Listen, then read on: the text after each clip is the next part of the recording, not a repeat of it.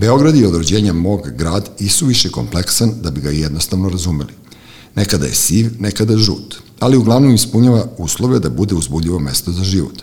U ovom civilizacijskom trenutku kome smo svedoci, gde apsolutno svi putem interneta su dobili moć da kažu nešto, da dobiju svojih pet minuta slave, da kreiraju laži, da hrane svoje nenormalnosti, da lažu, da se ulaču u tuđu kožu, da usvoje bezobrazluk kao model ponašanja ili što bi mi stari rekli žitskoj batine, u Beogradu još uvek postoje toponimi koji nam daju za pravo da nismo baš svi za hospitalizaciju. Nasenjena mesta u kojima ljudi žive su živi organizmi sa svim svojim manama i vrlinama. Najbitnije je da se ne izgubi nada da će vrline preovladati. Maskum Podcast predstavlja Treći svet, vaš domaćin, Dule Nedeljković. Gost današnjeg podcasta Treći svet je docent dr. Olivera Vuković, psihijatar. A ja sad dalje, Oli, ne znam, ne znam šta si dalje. E, Pa pre svega sam lekar. Pa dobro. Pre svega sam lekar, pa sam onda sve ovo drugo. Naravno, s obzirom na to da sam nekako uvek voljela da prenosim znanje. Mm. -hmm. Stvarno sam se i borila da eto da kažem tokom svog školovanja idem dalje, tako da u stvari primarno radim na medicinskom fakultetu, ali radim istovremeno u institutu za mentalno zdravlje kao psihijatar. Dobro. I trenutno e, sam šef kabineta za edukaciju, tako da se moja, da kažem, davnašnja želja ostvarila. Znači ti edukuješ ljude koji u stvari rade sa E, mentalnim bolesnicima, Da. zavisnicima, već kako da ih nazovem. Sad dobro, ja, ja tu mešam, ja zaista nisam stručen e, za te stvari. E, strašno sam želao da nađem nekog e, normalnog psihijatra, da mogu da, da, da ga pitam u proteklih godinu, godinu i po dana šta nam se sve izdešavalo, ovaj, jesmo mi dobro. Odlično. Ja stvarno mislim da smo mi odlično u ovom trenutku, ali da bih dokazala to, pridružila sam se ekipi, nas devet je preko Fonda za nauku, e, dobili smo jedan veliki, odnosno mogućnost da radimo jedan veliki projekat, nacionalni projekat, o uticaju COVID-a na mentalno zdravlje stanovništva. I evo moram ekskluzivno da kažem kod tebe mm -hmm. da smo sad 1. juna izašli na teren. 60 mladih ljudi po celoj Srbiji praktično ide vrlo, vrlo preciznom metodologijom, zahvaljujući profesoru Goranu Kneževiću sa Filozofskog fakulteta, znači jako precizna metodologija, idu od vrata do vrata Dobro. naših ljudi i praktično vode sa njima razgovore. Naravno, mi smo dizajnirali na koji način će da vode te razgovore i kako bismo mi u stvari procenili da li u kojoj meri ova COVID pandemija izazvala bilo kakvu, da kažem, vrstu nekog stresa. Zašto kažem da smo odlično? Ne kažem to slučajno, naravno ne kažem ove, šale radi, zato što e, još uvek smo mi u stanju stresa, a kada smo, da kažem, pod stresom, nekako naši adaptivni kapaciteti, znači sve naše snage su i dalje onako u stanju pripravnosti. Mi smo još uvek, da kažem... Napeti. I napeti, upravo to. I tek praktično kad se ovo prođe, mi ćemo u stvari videti prave posledice. Pa dobro, ali opet e, mi smo, mi smo Beograđani i, i Srbi, ovaj, ovo je već treća ili četvrta ono za našeg života, ono krizna situacija, Jeste. bombardovanje, pa ne znam, Jeste. sankcije, pa Jeste. Šta je još sve tu bilo, em, 300 čuda i mi smo se jako brzo nešto oporavljali posle toga i čak i za vreme trajanja, ne znam, sad smo bili kao Jeste. izolovani, ali za vreme trajanja bombardovanja, ja tvrdim da je najbolje zezanje po gradu bilo tada. Tada. Kao, naš, kao sutra ne postoji, ajde, u, u, ajde da partijamo. Da, baš ti hvala ove, na toj komparaciji, baš sam razmišljala o tome. Mm -hmm. Jer kada je bilo bombardovanja nekako, e, mi smo imali tu mogućnost da se socijalizujemo. I znam sam tada čitala neke baš knjige o stresu i da sam našla na jedan vrlo interesantan podatak, jel te 99. godine, da kada se dešava neka kolektivna situacija, postoji takozvani medijni mesec, period kada se ljudi socijalizuju, kada se druže. I nama je u stvari bombardovanje na neki način obezbedilo jedan takav način prevladavanja mm -hmm. stresa. A mi sad imamo potpuno drugačiju situaciju u kojoj ta vrsta socijalizacije nije bila moguća. Jasno. Dakle, za razliku od bombardovanja gde smo baš mogli da se skupljamo, da se družimo, tada su se rađale velike ljubavi, tada su se rađala deca, mm -hmm. jel, sada praktično je nešto sasvim drugačije. Mi smo morali da držimo distance jedni u odnosu na drugi i nismo mogli na taj način da se suočavamo sa nečim što, ajde da kažemo u medicini, mi smo smatrali da smo pobedili, a to su zarazne bolesti. Da. Jer praktično 20. vek je dokazao da je najveći napredak u medicini nastao onog momenta kada smo, zahvaljujući antibioticima, tako i a, ovaj, lekovima protiv virusa, odnosno vakcinama, praktično stavili zarazne bolesti pod kontrolu. Jer ne znam da li znaš, e, negde početkom 20. veka najviše se umirilo od zapaljenja pluća i od tuberkuloze. Pa to je jeftika, je li tako? To je tuberkuloza, tako, jeftika, to je jeftika, jest, jeftika, pa i u književnosti, ta jeftika je. je ono pokosila pola srpske književnosti. Je, apsolutno, da. upravo to, tolike književnike i kod nas i po svetu. Međutim, onda se desio veliki preokret, kažem, sa uvođenjem tih lekova i naravno sa vakcinama i nekako su izbile na prvo mesto, ne znam, bolesti srca, karcinomi mm -hmm. i mi smo nekako superiorno mislili mi sad vladamo situacijom i onda se dogodi pandemija. Ali ono što je meni isto bilo interesantno u vezi sa ovom pandemijom, upravo pomenuo si taj stres i tu kumulaciju stresa, e, nekako u istoriji ljudske civilizacije, istorija ratova, bolesti e, i uvek sam se pitala zašto mi u stvari savremeno doba nazivamo dobom stresa. A onda sam u stvari našla da je odgovor krajnje prozaičan, Zato što u stvari ljudi manje znaju da je koncept stresa uveden u medicinu tek negde oko drugog svetskog rata. Znači, mm -hmm. da kažem, eto, 40. i 50. godina 20. veka se termin stres uvodi u medicinu. Znači, do tada uopšte lekari nisu znali za stres. Znači, to je potpuno bio nov koncept. I mi sad praktično imamo situaciju da je taj stres objasnio mnoge, mnoga, mm. da kažem, stanja, mnoge poremeće zdravlja. Ja lično verujem da je to najtoksičnija stvar, generalno, jel? U odnosu na sve druge. A kako su ga ranije razivali? Nije uopšte postoje kao fenomen, nije pa se znalo. Pa ne, zato što je se promenilo i u civilizaciji imaš ono, ne znam, istorija umiranja pre 200 yes. godina zapadne da, da, civilizacije, da, da. ljudi se nisu plašili smrti, nego su je želeli. Pa se sad to malo okrenulo ka islamu, međutim, ono, nije bio taj strah od smrti, čak se i ono slavilo kao naš neko je umro, on je srećan čovek u tom momentu, naš, tako da to, taj stres je u stvari modernizum. Apsolutno, znači koncept je, da kažem, negde definisan 50. godina 20. veka I e, ovo što si rekao, naravno da duh vremena i kultura uvek oblikuje naše, da kažem, pojmanje stvarnosti, pa naravno i pitanje i zdravlja i bolesti života i, i umiranja. E, ali tako da kažem negde do tog vremena se smatralo da recimo ako neko boli od raka mm -hmm. ili recimo dobio hipertenziju da nima sreće u životu Nisu uopšte znalo, znao razlog, ozbiljno. I onda su krenuli ozbiljno. Pa da, imao sreće, da, da, da, da, ozbiljno. Jer nekako se sve smatralo i dovodilo u vezu sa tim mikroorganizmima. Oni su ti koji nešto izazivaju neke bolesti, jel? Mm -hmm. I su krenuli neka ozbiljna istraživanja i tako su se pojavili ti faktori rizika i danas znamo da, ne znam, jel, gojaznost, kolesterol, da su sve to faktori rizika, smanjena fizička aktivnost i naravno stres da doprinose razvoju i telesnih, ali i nekih duševnih oboljenja. Ali ono što je sada u stvari prvi put, da kažem, na planeti, to je da se ukršte upravo te dve, ajde da ih nazovem naučnim jezikom, varijable. Znači, mi imamo s jedne strane u stvari jednu pandemiju, kao što je bila 1900, tako, 18. 20. čuvena španjolka. Da, španska da, I stres. U, znači, u vreme španjolke se nije znalo za stres. Da tada jednostavno se na neki drugi način ovaj, sve to opisivalo i ovaj, objašnjavalo. Uvek su neko vreme donosi neka svoja, da kažem, na objašnjenje. Tako da mi je to, kažem, prvi put sad imamo i prilike da ispitamo koliko je ova COVID pandemija uticala i moram da kažem da draga koleginica profesorka Ljiljana Mihić, koja je takođe u ovom našem timu, ona je sa Filozofskog fakulteta u Nam Sadu, uradila jednu preliminarnu anketu. Sad se uglavnom rade i anketi zbog mm -hmm. ove situacije. Kažem, zato sam ponosna što smo izašli na teren, što smo nekako se približili ljudima, ovaj, e, da bismo videli postoji ta neka skala za procenu, baš se zove COVID stres skala, mm -hmm. da vidimo koliko kod nas e, je validna i pokazala se dobro. Tako da ćemo ispitati, da kažem, koliko je stvarno stres uticao, koliko ti, kako ih nazivamo, socijetalni faktori. Ali viš, šta je meni palo na pamet, mm. to rekla si 50. godina, znači da. ono kao bukvalno spojevo medija, mas medija je krenuo stres. Yes. Znači, znači ono kao, u stvari mediji su reklameri stresa i oni u stvari bostuju taj strah i evo ja pretpostavljam da će u nekim e, delovima Srbije koja je bolje informisana, uslovno rečeno, i koja je imala e, više vesti da čuje da će biti veća panika nego kod onih koji nemaju pojma o čemu se tu radi. Da. A to sam video sad, jer sam da. pričao pre nego što smo uključili, meni je strina u selu umrla 93 godine, oni tamo nemaju pojma, ono, kao pitaju me kako si, kako si ti deca. Niko ne pita, niko me nije pitao COVID oko u Beogradu i to. COVID-a, Nemaju jasno, pojma. da, ali da, bukvalno nemaju interesantno. pojma. Ne, oni tu nešto nose maske neke po rukama, muljaju, nemam pojma da li su vakcinisani, pošto stvarno nisam ono u fazonu da ih pitam, ali oni se ponašaju potpuno normalno. Mhm, Znaš, oni imaju svoje živote, oni kao tamo ima neki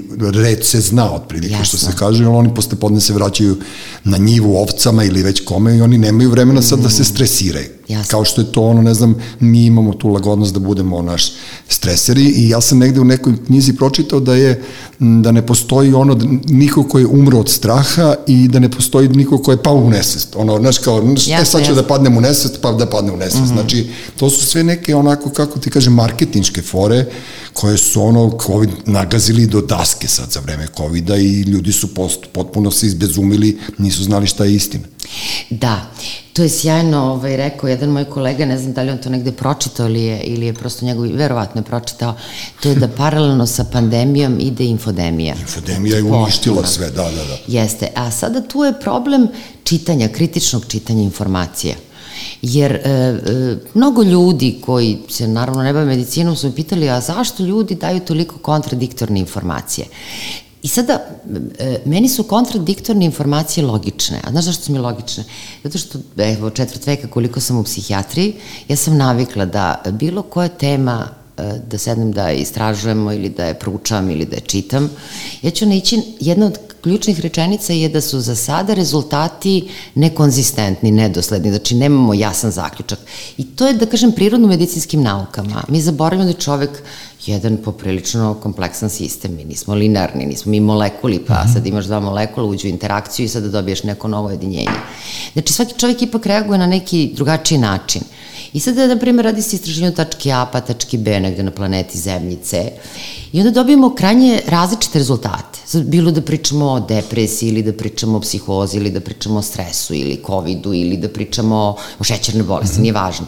E tek kad se skupi jedno obilje informacija na neko pitanje, naučno istraživačko pitanje, pa onda prođe 5, pa 10, pa 20 godina, ljudi onda imaju neke pretpostavke, hipoteze. Mm -hmm. A danas ljudi, kako već živimo u ovom vremenu instant, sve instant, traže instant odgovor, instant rešenja. Nama se dešava neka potpuno nova situacija i sad se očekuje ljudi da ti daju odgovor za tri dana, za mesec, za Ali to je meseca. nemoguće prosto. Apsolutno nemoguće. Da. I nekako smo svi tokom ovog perioda pandemije učili. Učili kako, šta da modifikujemo.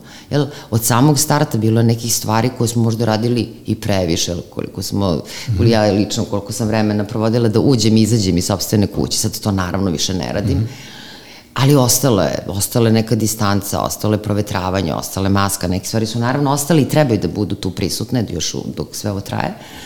Međutim, ovaj, ono što sam me malo prepitao kako su ranije ljudi, znaš šta što sam mi podsjetio?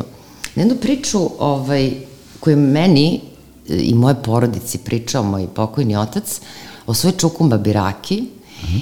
i koja je spasila praktično mog dedu i njegova dva brata, oni su bili deca i svi su umrli od španjolke mm -hmm. i ta, da kažem, moja čukumbaba, tatina, oni su zvali baba Raka čuvena, i uzela ovo dvoje, troje dece i odvela ih negde daleko u neku planinsku kuću i svi su mislili da je žena si, suma sišla, kako se tad smatrala, kako se tad zvalo, to neko, da kažem, sanje, suma sišavši, da, tako da, da, to u duhu srpskog jezika. I, ovaj, i da nije normalna žena, zašto ih je odvojila od kompletnog sela?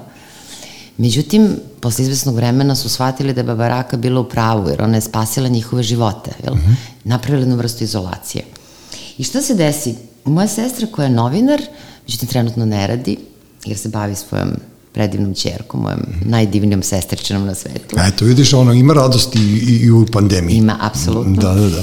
I, ovaj, I ona ipak sedne i napiše tekst o Babaraki mm -hmm. na jednom, da kažem, portalu, na netu, autentično, onako kako je nama tata pričao, bez naravno priče i ko je otac i sve. I znaš šta se dogodi? Krenu komentari ljudi, a kakva babaraka, ma, jeste da, da, malo izmišljeno. sutra, ma to je izmišljena Nije priča. se desilo. Nije da, se da. desilo, da. A ljudi su zli. Mm -hmm. Znaš, ja, to ja, nepoverenje ušlo u ljude veliko. Pa ne, mm. znaš šta, kada, kada, to je ono što sam u najavi rekao, kada svi dobiju pravo da kažu nešto, jer ja, ja sam tu vrlo, ne, ne sad ja, ti si psihijatar, ti možeš to da kažeš da li sam ja grub ili isključiv, ali ja sam zaista za to da ne može svako, brate, da kaže šta misli. Mislim, znaš, kao to... O svemu. O, o svemu, naravno, ono... Niko od nas. Možemo da komentarišemo ti i ja nečiju haljinu na ulici, casual, ili da kažeš ja, ja ne volim futbol, ali Tako. suditi po nekome, po njegu, znaš, ono, od, odmah omalovažiti nekoga, to je ono po meni znak bezobrazluka, mm. ali to verovatno ima neku da. dijagnozu kod, kod tebe u profesiji.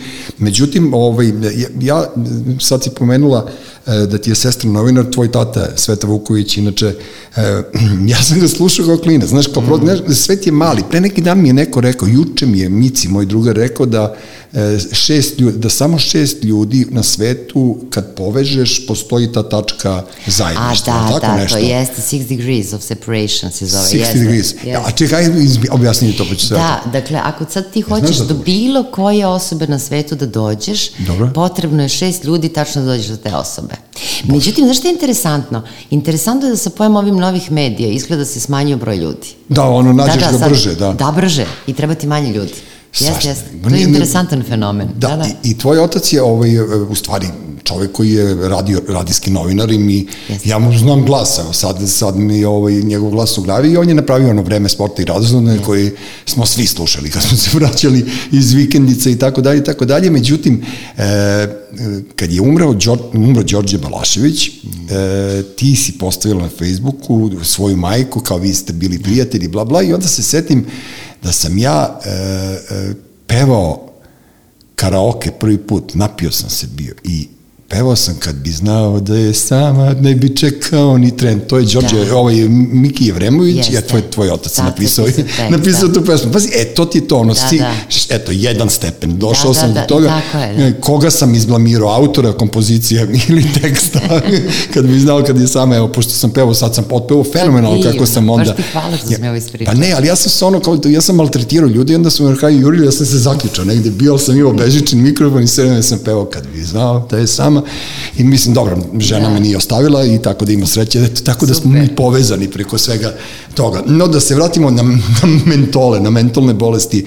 E, ja sam ljut, e, iskren da bude moja, moja posle godinu i po dana ove, reakcija na sve ovo, ja sam ljut na medije. Ja sam ljut na to, tebi je sestra novinar, mi se bavimo tim nekim javnim poslom, sad više se to izgubilo striktno šta je ko i gde je, e, međutim, e, to namerno e, pravljenje dve kolone, E, jedni plaše, drugi, drugi plaše sa druge strane, vakseri, ne vakseri, ovo, ono, i to je onda, mi smo trebali da se zakačimo za neke ljude kojima mi da. privatno verujemo, nam u velikim gradovima to lako, meni koji znam 200 ljudi, meni je to lako, međutim, neki ljudi su ostali sami, na svetu, znaš, i prosto trebalo im je pomoći i tada. Ja da. sam za vreme te pandemije obilazio 3-4 bake i, i, i starije bračne parove kao ono helikopter da, sam bio, znaš, išao sam okolo i onda sam stalno kao ja nešto imao neke tople reči za njih, međutim ja uopšte ne izgledam kao neko ko može bilo koga da uteši, znaš, nekim toplim rečima, ja mogu, kao ja ovaj fizički vidi kolika je konjina, pa kao pomogne, ali strašno bih volao da znam način kako prići tim ljudima, znaš, ja bih volao da pomognem, ja, ja, ja vidim dosta ljudi koji nisu, kako ti kažem, ne vidi se da su srećni kada prolaze pored tebe na ulici, znaš, šta se desilo s ljudima? Kako, kako tim ljudima pomoći? Jer oni, znaš, mi smo ipak Srbija. Ovde, znaš, ja dok bi došao do tebe i rekao, Olivera, ja imam problem, mm. Znaš ti koliko sam ja problema tebi prećutao do sada u životu, otprilike to je to. Znaš, e, to ti kao isto kod, kod ovih devojaka što su se pojavile sada i zašte s time da su imale, da su trpele nasilje i sve to. Znači, ovde treba stegnuti, da ne kažem šta, i doći kod tebi i reći mm. pomozi mi. Kako, kako, Za, zašto se mi plašimo psihijatara, a ne plašimo vračara, astrologa ili već da. ne znam ja čega? E, e, mnogo sam o tome razmišljala e, i samo moram da ti kažem da to smo svi nekad u životu čuli, jel, u Americi svi imaju svog psihijatra i advokata. Ulazu, da, da. da. Međutim, nije tako, nije, uopšte nije tako i nekako razbila sam tu predrasudu. Mm -hmm. Moram ti reći, davnih dana, pošto smo išli onako redovno svake godine u maju mesecu, Američka psihijatrijska asocijacija pravi stvarno sjajan kongres. I oni tamo imaju ekipu, što reče ova jedna žena koja je bila, pošto ne godinu dana im se menjuju ti predsednici asocijacije, kaže, psihijatrija u stvari ima, to je grana medicine koja jedina ima organizovane neprijatelje, to su ovi sventolozi. I ni malo nije prijatno kad ti ulaziš u kongresnu tu halu ili u neku, već je to na više mesta obično, već gde smo, ili u Vašingtonu, ili dole, San Diego, nije važno, ili na Havajima, ovaj, uvek imaš tu ekipu scientologa koji stoje onako ispred i demonstriraju mm -hmm. i nekada vrlo nezgodno možda se dogodi nekom psihijatru da dobije i batine. Ozbiljno ti kažem, vrlo su onako neprijateljski raspoloženi prema psihijatrima, da, da. Tako da su oni recimo uveli vrlo interesantnu stvar na tom kongresu, svake godine da im dođe neka, što bi se reklo, celebrity, da. E, koja im priča ili o nekom svom ličnom mentalnom problemu mm -hmm. ili problemu nekog člana porodice, da bi se razbile predrasude. Dakle, prosečan Amerikanac nema manje predrasude niti o nekim duševnim stanjima, niti o psihijatrima, u odnosu na, da kažem, neki naš mentalitet. Drugo, interesantno je meni bilo, jedno vreme sam se malo više tim bavila odnosima između uh, mentalnih poremećaja, ušte psihijatrije i uh, filmova. Mm -hmm. Recimo, hollywoodska produkcija je interesantna. Oni su imali neki period, takozvano zlatno doba Hollywooda, od neke 59. do 63. godine. To je jedini period kada su psihijatri predstavljeni kao pozitivni likovi. Da, od tog perioda, recimo na ovom, ti imaš samo par snimljenih filmova u Hollywoodu, u kojima su psihijatri onako predstavljeni da su adekvatni, da su zdravi, afirmativno. Čak postoje, ja sam sad i zaboravila tu tipologiju, ali postoje, znam, neka tri tipa psihijatara. Jedan je, recimo, uh, onaj koji je luđi od svog pacijenta, pacijenta da. tako je. Ovaj drugi je ovaj, psihopata, ubica, jel, poput Hannibala Lektora, recimo. Jel? I uvek is, ispostavi se na kraju thriller, ali tako da je psihijatar taj koji je, da kažem, izvršio ubistvo. I treći, takozvani ranjeni selitelj, po jednom, da kažem, arhetipu Hironu, jel, čuvenom, mm -hmm. e, ovaj, e, recimo onaj film, jel, sa Williamsom, kako se zove, e, Good Will Hunting, da, da jeste. Da, da, e, on je recimo daš, baš primer tog tipa arhetipa, jel? Gde je on praktično patio, pa onda i svoje patnje može da pomogne pacijentu. A isto tako je, ovaj, da kažem, i nekako portret naših pacijenata e, takođe iskrivljen u kinematografiji, logično.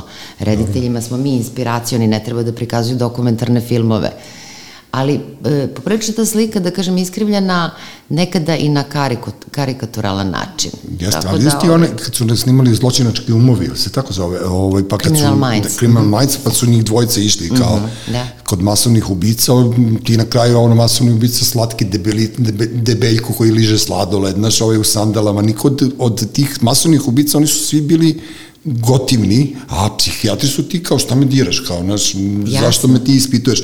A znaš šta, to ti je možda ono kao ti saentolozi, ja sad ne znam, ali ja to mogu da zamislim da je ovde lobi vračara, Da. E, mnogo jači od da. lobija psihijatara u Beogradu. Znaš, ti, imaš ja, ti bilo koju, da, bilo koju moju drugaricu ili, ili poznanicu ili poznanika čak, dobro, mi se manje, mi se bolje krijemo, mi muškarci, mi imamo svi vračare. Ja sam bio tu po Beogradu dok sam leteo u jatu, mene su svaki drugi dan vukljali tek kod vrača, tek kod vrača, ne razumeš da mi kažeš da će, ali nikad me niko nije pozvao kod psihijatra ili psihologa da mi objasni vreme tih 80. godina kada smo mi bukvalno bili svakog dana na ivici da nas hospitalizuju zbog poroka.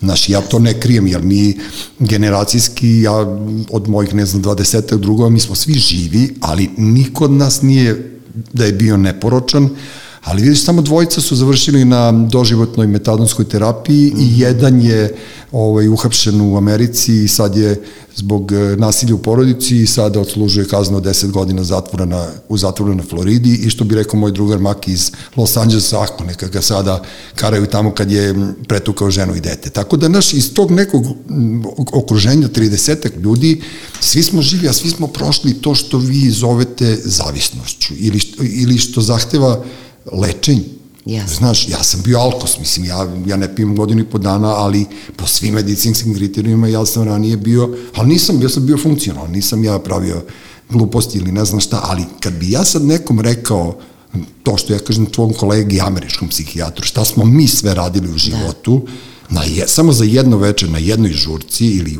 u, u, u gradu ili u klubu, ja mislim da bi oni nas stvarno ono kao poslali na grupne terapije. Ovde nema tih ono, da, da ja sam da. dušan, ja sam alkoholičar, nema, prosto ne znam šta bih rekao tim ljudima. E, pa znaš kako, ovaj, e, nešto si mi baš asocirao, juče sam pričala s jednom mladom koleginicom i rekla sam da ako neko hoće da bude dobar psihijatar, mora stvarno da prođe i sva odelenja i svu patologiju, da vidi i nekako stice okolnosti i putanja mi je bila takva životna da sam radila e, sa apsolutno svakom problematikom u psihijatriji. I stvarno sam nekako zadovoljna zbog toga. Mm -hmm. I jedan period e, svog profesionalnog života sam se bavila upravo bolestima zavisnosti. To je bio period kad sam magistrirala, pa je onda mene interesovalo, pošto sam strasan pušač, mm. e, kako sad ja to, ta želja za duvanom, za, za substancom, kako u stvari to prevazići, kako to neko kaže, prestao sam recimo da pušam. Pa pojedeš slatko. Ili da pijem, ili da, da uzimam heroin. I kažem ništa.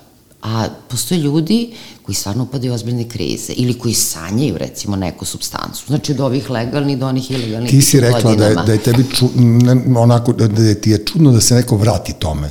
Je tako? Ne, ne, nego mi Zašto čudno... neko opetuje? Zašto ne, neko opet uradi upravo, to? Kako to neko kaže, ostavio sam cigarete mm -hmm. i više nikad mi nisu pale na pamet. Mm -hmm. A neko ostavi cigarete i 30 godina priča kako ih sanja. To, to me interesovalo. Kom, kome je gore? Da, Mm -hmm. da, kome je gore i o čemu se tu radi, zašto da. se ljudi toliko razlikuju. I onda sam krenula da ispitujem taj fenomen žudnje, tako se zove, mm -hmm. ili te neodoljive želje za, za substancom. Interesantan zaista fenomen. I onda radeći, pogotovo sam radila sa alkoholnim zavisnicima, naučila sam mnogo toga, jer u stvari mi u psihijatriji najviše naučimo od pacijenata. Dobro. Naravno, to su knjige, ceo život, ali u stvari od pacijenata se najviše nauči. Nikada niko nije došao i pokucao na moje vrata i rekao, dobar dan, ja sam rešio da ostavim heroin, kokain mm -hmm. ili alkohol. E, uvek je razlog bila neka pretnja gubitkom e, gubitkom zdravlja, gubitkom porodice, gubitkom statusa. Nije važno, gubitak da, u najširem smislu te reči. U stvari strah neki. Strah, ali da. baš strah od gubitka. Mm -hmm.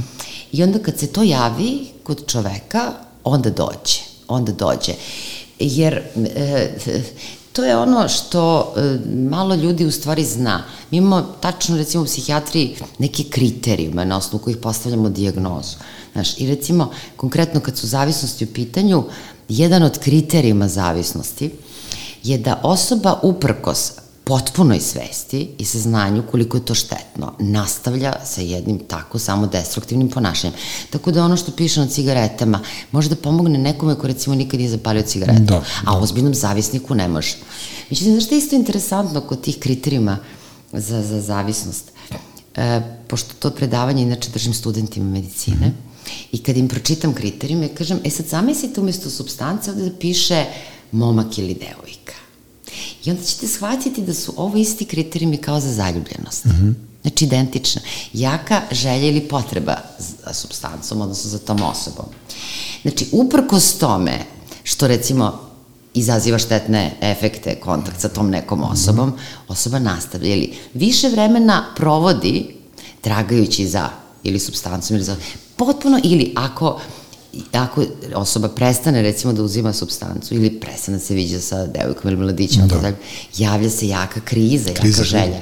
Tako da su potpuno identični kriterijumi za stanje zaljubljenosti, ne ljubavi. Ljubav je nešto drugo, to je... Ne, to je, za, to je na, na, u stvari, pa, to se kaže primio sam se ili navukao sam je, se. To, to je da, e, mi smo, u stvari, ja sam generacija, ti si malo mlađa, ovaj, heroinskih, ovaj, da, kad je kraj čisti ovde u ovom našem kraju oko Kosovske, mislim da je Milan Protić izbrojao da je između 57. do 63. godišta 57 ljudi umrlo od heroina ovde u kraju i to je prosto bila ta pošast, to što ti kažeš, oni su, bukvalno svaki dan smo išli po sahranama i niko nije prestajao. Da. Ja lično nisam, ovaj, hvala Bogu, imao tu tu, tu čast da se upoznam sa, sa hero, sa drogom, i, ali sam video kako ljudi ono tonu, kako propadaju i ono i psihički i fizički i, i, i to je bilo jedno potpuno strašno, ali ti gledaš, a radiš se, znaš, i to je, to je, to je bilo kao neko, ajde to vreme.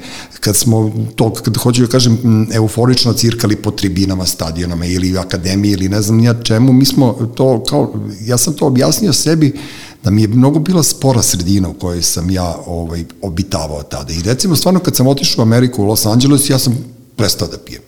Onda sam, ne znam, bio u Londonu, A, tako, popijem, da, da. popijem ponekad Da, ono da. jedno pivo, dva, nemam pojma, dođemo u Beograd, Da, da. mi pijemo vinjak, mi pijemo bambus, mi duvamo, mi pijemo gajbu piva, razumeš, nekako Beograd mi je bio taj ono toksični, toxic city, Vezao a, a Mhm. kad sam god sam išao negde na more ili nešto, Jasno. ja sam ono blame i meni je super. Jeste. I uopšte ne znam zašto je to tako. Pa znaš šta, ovaj, ima tu mnogo objašnjenja, ali taj kontekst je neverovatno bitan Mhm. i kada čovek asocira ili sa nekim miljeom ili sa recimo e, e, nekim, e, nekim, nekom navikom, ja? onda, je, onda veže prosto da ono što mi kažemo neutralni stimulus sa, sa, sa drogom. Pazi, to su radili Amerikanci e, posle Vjetnamskog rata. E, pratili su procenat onih koji su se vratili iz Vjetnama i koji su nastavili sa uzimanjem heroina. Dakle, samo 10% je nastavilo. Koliko u stvari samo Oni su se tamo radili, da. jeste. Kad su se vratili, oni su prestali. Mislim, to su neke, da kažem, neverovatne stvari, ali nama pomažu recimo u načinu kako da e, ljude, da ljudima olakšamo. Dakle, da to stanje kad prestanu recimo da uzimaju nešto ne doživljavaju kao trpno stanje. Jasno, Nego da da. što pre u stvari počnu da uživaju u tome. Jer nije problem ta abstinencija, ta fizička kriza. Ona prođe i praktično onog trenutka kada prođe, posle jedno dve nedelje, tri, zavisi naravno šta je neko uzimao, ona nes- nestaje. Ono što je doživotno, to je ta neka želja. Ta žudnja koju sam pomenula, jer stvarno tu dolazi do nekih trajnih moždanih promena i onda čovek vezuje za neka lica, za neka mesta, za neku muziku i onda može se desi čoveku recimo prođe, čuje neku melodiju, uopšte nema svest o Jeste. tome da je čuo i posle nekog vremena samo odjednom počne da ga radi kriza, jel? Upravo da se javi taj fenomen. Međutim, ti sad pričaš o nekom periodu ranije, a sada, nažalost, se to poprilično promenilo A sad je još gore, sad su se navukli na elektronsku forum. na to na i, internet. i na još jednu isto pod, podjednako ozbiljnu stvar, to su ove sintetske droge. Da, da, da. Hemija. Hemija, negde 2000, sad ću ti reći 17. godine, ja mislim 17. ili 16. izašla jedna monografija, u tom trenutku u svetu je sintetisano. 70.000 različitih vrsta tih kako su se zvale sintetske droge sad mm -hmm. ili dizajnirane droge. Sad, Znači, ekstazi je samo jedna od 70.000. Znači one su proizvedene u laboratoriji, koje nisu uopšte prirodne kao vutra i tako dalje. Upravo to. Mm -hmm. I to, ovaj, reagencije od, od kojih se prave mogu da se kupe u bilo koje sam usluzi, Ja, bilo može, koje apoteci. smućka bilo ko. I da bilo ko. I sada šta je tu problem? Problem je što niko ne zna ni dozu, ni da li je toksično, ni koliko je toksično, niti ti možeš u analizi mokraće da detektuješ, jer moje kolege koji se sad više bave tom adiktologijom od mene, mi kažu, mi se trudimo maksimalno da nekako nabavljamo analizu upravo onoga čega ima kod nas, ali ne možeš da uhvatiš sve. Meni koleginica pričala iz jednog drugog grada da je došlo petoro dece sa potpuno različitim kliničkim slikama, uznemireni, povraćali su u lošem stanju, gde ona uradila mokraću čisti. Ali dobila podatak, ja kažem, pa šta si radila? Kaže, dala sam im sva, sve moguće, on, takozvani antidot, da Dobro. spreči štetne, otrovne, Otrovne. efekte, da, da im spasi život. Jer ona praktično u tom momentu nije znala šta su oni uzeli. Tako da je to velika pošast. Ne, ali to jeste zato što, e, pazi, to ti ono kad su mi bili kao nemoj da uzmeš žvaku od taksiste, pa je onda da. bilo, znaš, pa smo se kao radili aspirinom i Coca-Colom, pa je onda ekipa počela da duva lepak, to je nekako, ne, sve to ima svoje, ali sad je to počelo da bude u funkciji komercijalna, ne, hemija, hemija je e, gadna, e, sećam se, sve, sve, sve, svih eksperimenata u životu se sećam, ali recimo kad smo putovali po Evropi, najviše tih hemijskih ono ovisnika su bili ono e, gore Hamburg, Luka, Rotterdam po ne Amsterdam, toliko Rotterdam, ta neka ceo taj neki luk tog severnog e, mora su bili bukvalno na hemiji, svi su bili ono izbezumljeni, mi smo kao klinci iz Beograda bili u fazonu šta je Da, ovo, znaš, da, da. prošli smo mi onaj čuveni kolodvor zo da vidimo kao Da, da, da, kako da. to on dobro, znaš, hero, heroinomani su najmirniji tu dok nisu, ne uvati ih neka, neka, neka kriza ili agresija, ali ja sam se 300 čuda nagledao, znaš, i prosto sad kao, sad razmišljam, to, to je neka moja generacija, svi, svi ti ljudi imaju decu, znaš, sve su to, to su ono pokolenja tih ono ludih 80-ih, 70-ih godina, a pre toga baba i dede su mi 60-ih, ono, hipici, kada su se ono give peace a chance, pa kao širimo ljubav, pa Timothy kao... Leary. Timothy Leary, ajmo gutamo ekstazi, on ekstazi, LSD, pa ajde da gutamo pečurke, pa sve nam je ljubičasto. Znači, svi smo mi u neko doba nenormalnosti i rasli i rađani i naši roditelji i mi i ne znam šta, ali sad je već počelo da bude opasni. Kako, kako možete sprečiti to ako ne postoji edukacija? Pa evo, da, da kažem, e, nekako ove moje kolege koji se sada više bavi bolestima zavisnosti, možda bi bili kompetentni da ti konkretno kažu šta rade. Ne, ne mislim konkretno, nego šta bi ti kao psiholog meni rekla moje deci, jel ja... Mislim, e, strašno je, jako je važno da na isti način e, razgovaraš ti sa svojim detetom na način na koji su, da kažem, sve ove generacije pre, da, da, ih, da ih stvarno edukujemo, da ih učimo. E, ta prevencija u školi je u stvari broj jedan, stvarno broj jedan. Jer e, deca nemaju svest o tome da je ova hemija, koliko god zaista je taj heroin ti si svedok mnogih tragedija. Yes. Međutim, e, ova hemija je toksična sama po sebi. Ona izaziva ozbiljne moždane oštećenja koje su trajne. I to za jako kratak vremenski period, to se sintetiše, kažem, po nekim ilegalnim mm -hmm. prostorijama, tu se ne zna ako se malo zagre neka substanca, može se napravi ozbiljan otrov, može doći do trenutno smrtnog ishoda, A ono što je najopasnije što je to jako jeftino. Da, sad jako droga, što kaže linija spida je ono 200 dinara, tako da ono naš droga je jeftinija od pljuga. Jeste. Prvi put u, u istoriji da je od novina je jeftinije. Pa da, znaš kao to, e, to je počelo sa onim estetnim, ja, ja ga zovem, ono, pošto ga znam, prokletnim zarubicom, kad je krenuo, ali vidiš kako to ide, on je bio najmirniji od svih mirnih ljudi koje ja znam. On je stajao stalno u čošku kao neki observer, naš gledao šta mi radimo. Da, da, da, bio je visok, onako markatan lik, I kad su mi rekli da je on taj koji je uhoćen ta fabrika u Staroj Pazovi, ja sam bio pozorno, ste sigurni da je to mm -hmm, taj, taj pravi, da, da, da, taj čovjek. E, tako je krenulo to i onda su počeli ovi naši drugari. On je e, školski ortak sa Peđom Markovićem, ovim genijalcem. Znači, oni su svi neka, neko, neko, neko odelenje genijalaca. Yes. Jer Peđa Marković je išao sa mnom u odelenje, a ja sam stariji od njega i je bio pametan pa su ga premestili u starije odelenje. Znači, Zarubica i Peđa Marković, ovaj lud na svoju istorijsku stranu, ovaj lud na svoju hemijsku. Nadam se da je tamo gde treba da bude ono, zaključan i da neće više širiti to svoje. E, svedok sam tome. Ja, kažem ti, radili smo te klubove noćne i šta sam sve radio u životu i gledao sam kako se klinci ih navlače i primaju na te stvari, ali to bukvalno, e sad mi je palo na pamet kada smo pričali o tom heroinu ili ne znam čemu ranije, kao da je bio neko da nama objasni šta je to mi možda bi bili živi mnogi. Drugačije. Znaš, da. niko nije, da, to je bilo da, tabu, da, da. To, to je bilo tabu tema, kao i ja narkoman, kao naš ono, malte ne beži, to je bilo kao da, is, da. seti se kad se HIV pojavio, koje je yes. to ludilo po gradu bilo od toga, da, koje je bilo, a prva žrtva je Mikica ovde iz kraja, pričali su posle da je Vd, pošto je Vd poznatija ličnost, da je on prvi koji umro od od e, ovaj, HIV virusa, međutim ne, Mikica tu je umro, umro je Lesko, moj drugar, ja sam bio na infektivnoj klinici, radili smo edukaciju preko doktora Novakovića, ja mislim da se zvao Veran i ja svoje vremena, ako imaš sidu, ima ime u vidu, da, pa, pa smo to, radili to te to. testove i sve to, to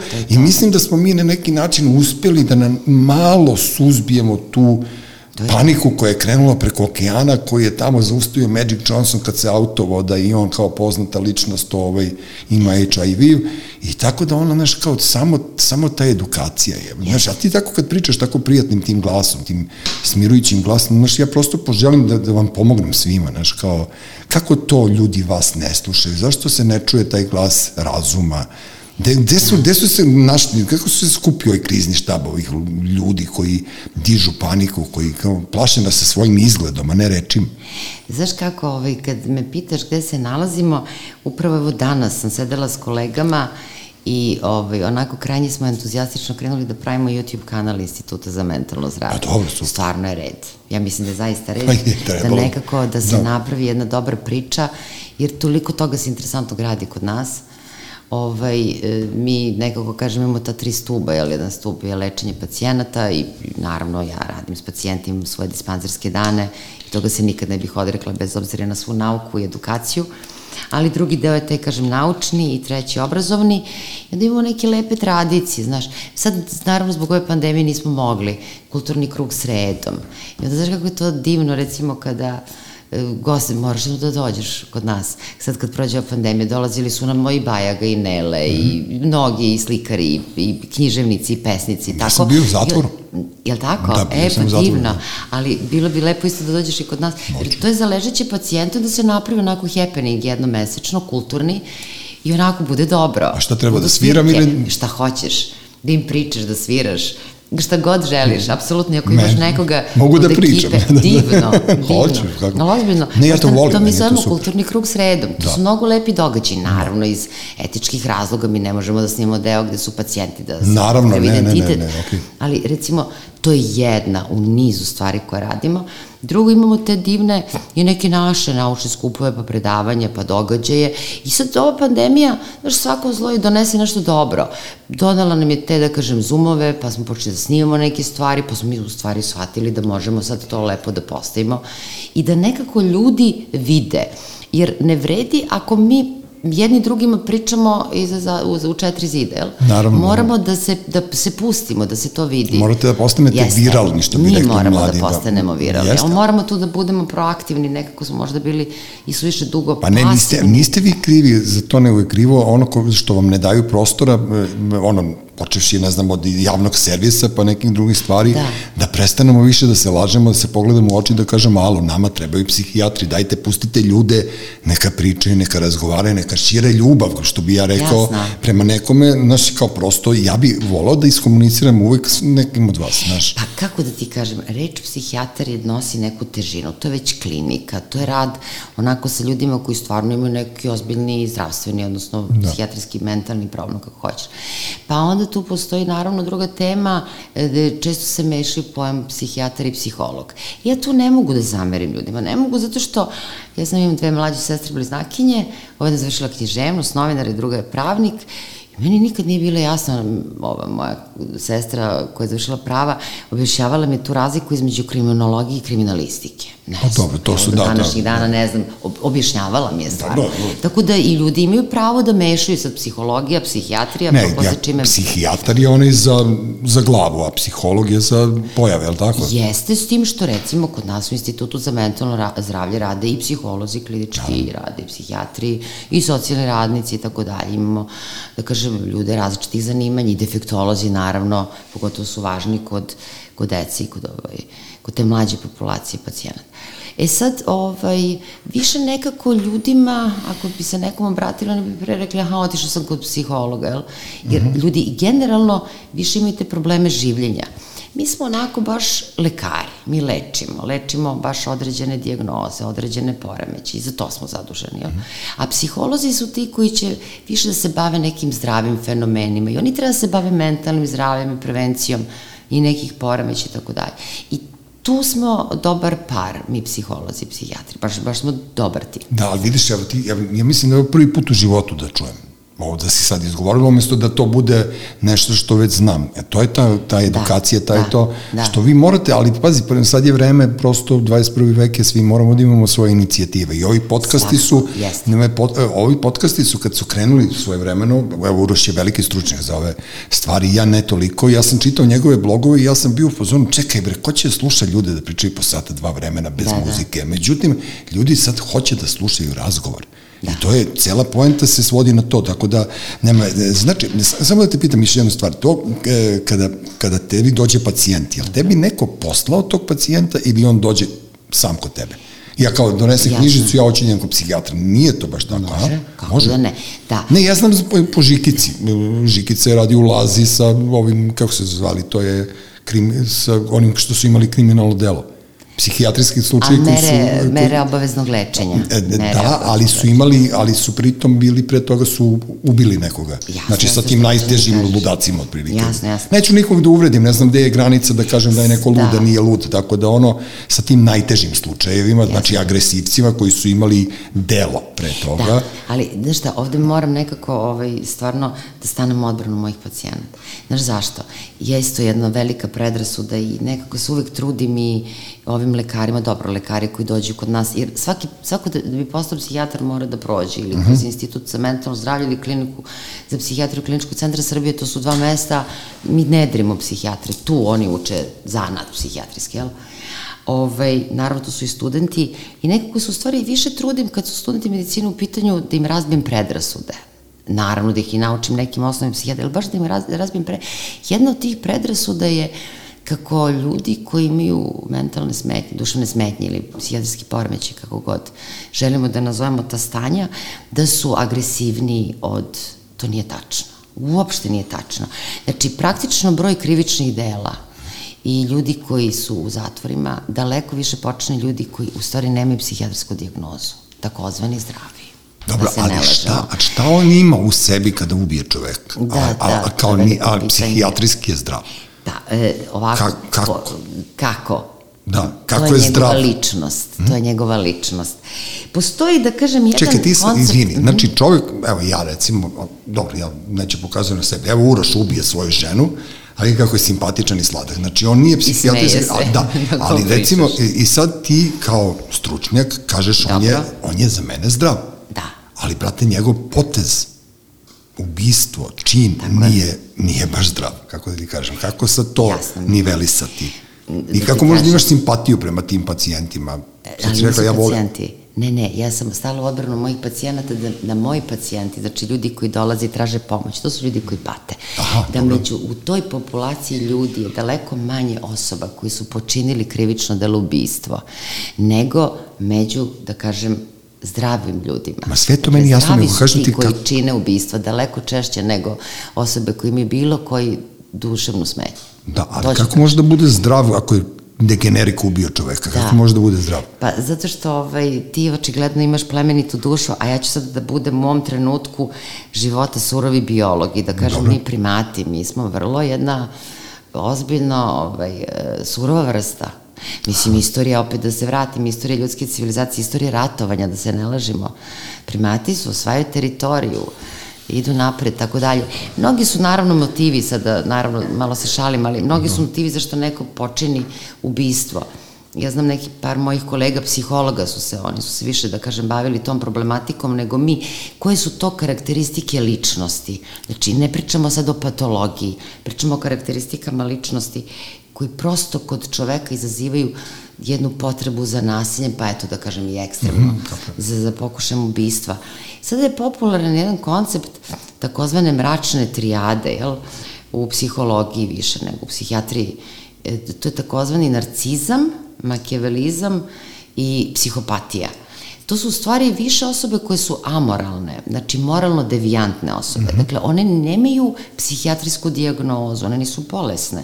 One su prosto devijantne e, na način, to je odstupanje od normalnosti, kao što recimo, ako ja sad nosim naočare za čitanje, ja nemam bolesne oči, meni je samo da kažem dioptrija odstupa od normale, ili recimo ravni tabani, to nije bolest, to je samo odstupanje ili statika kičme. Svataš što ću ti kažem? Znači, mi tu ne govorimo o poremeću bolesti, samo o nekom odstupanju od normale.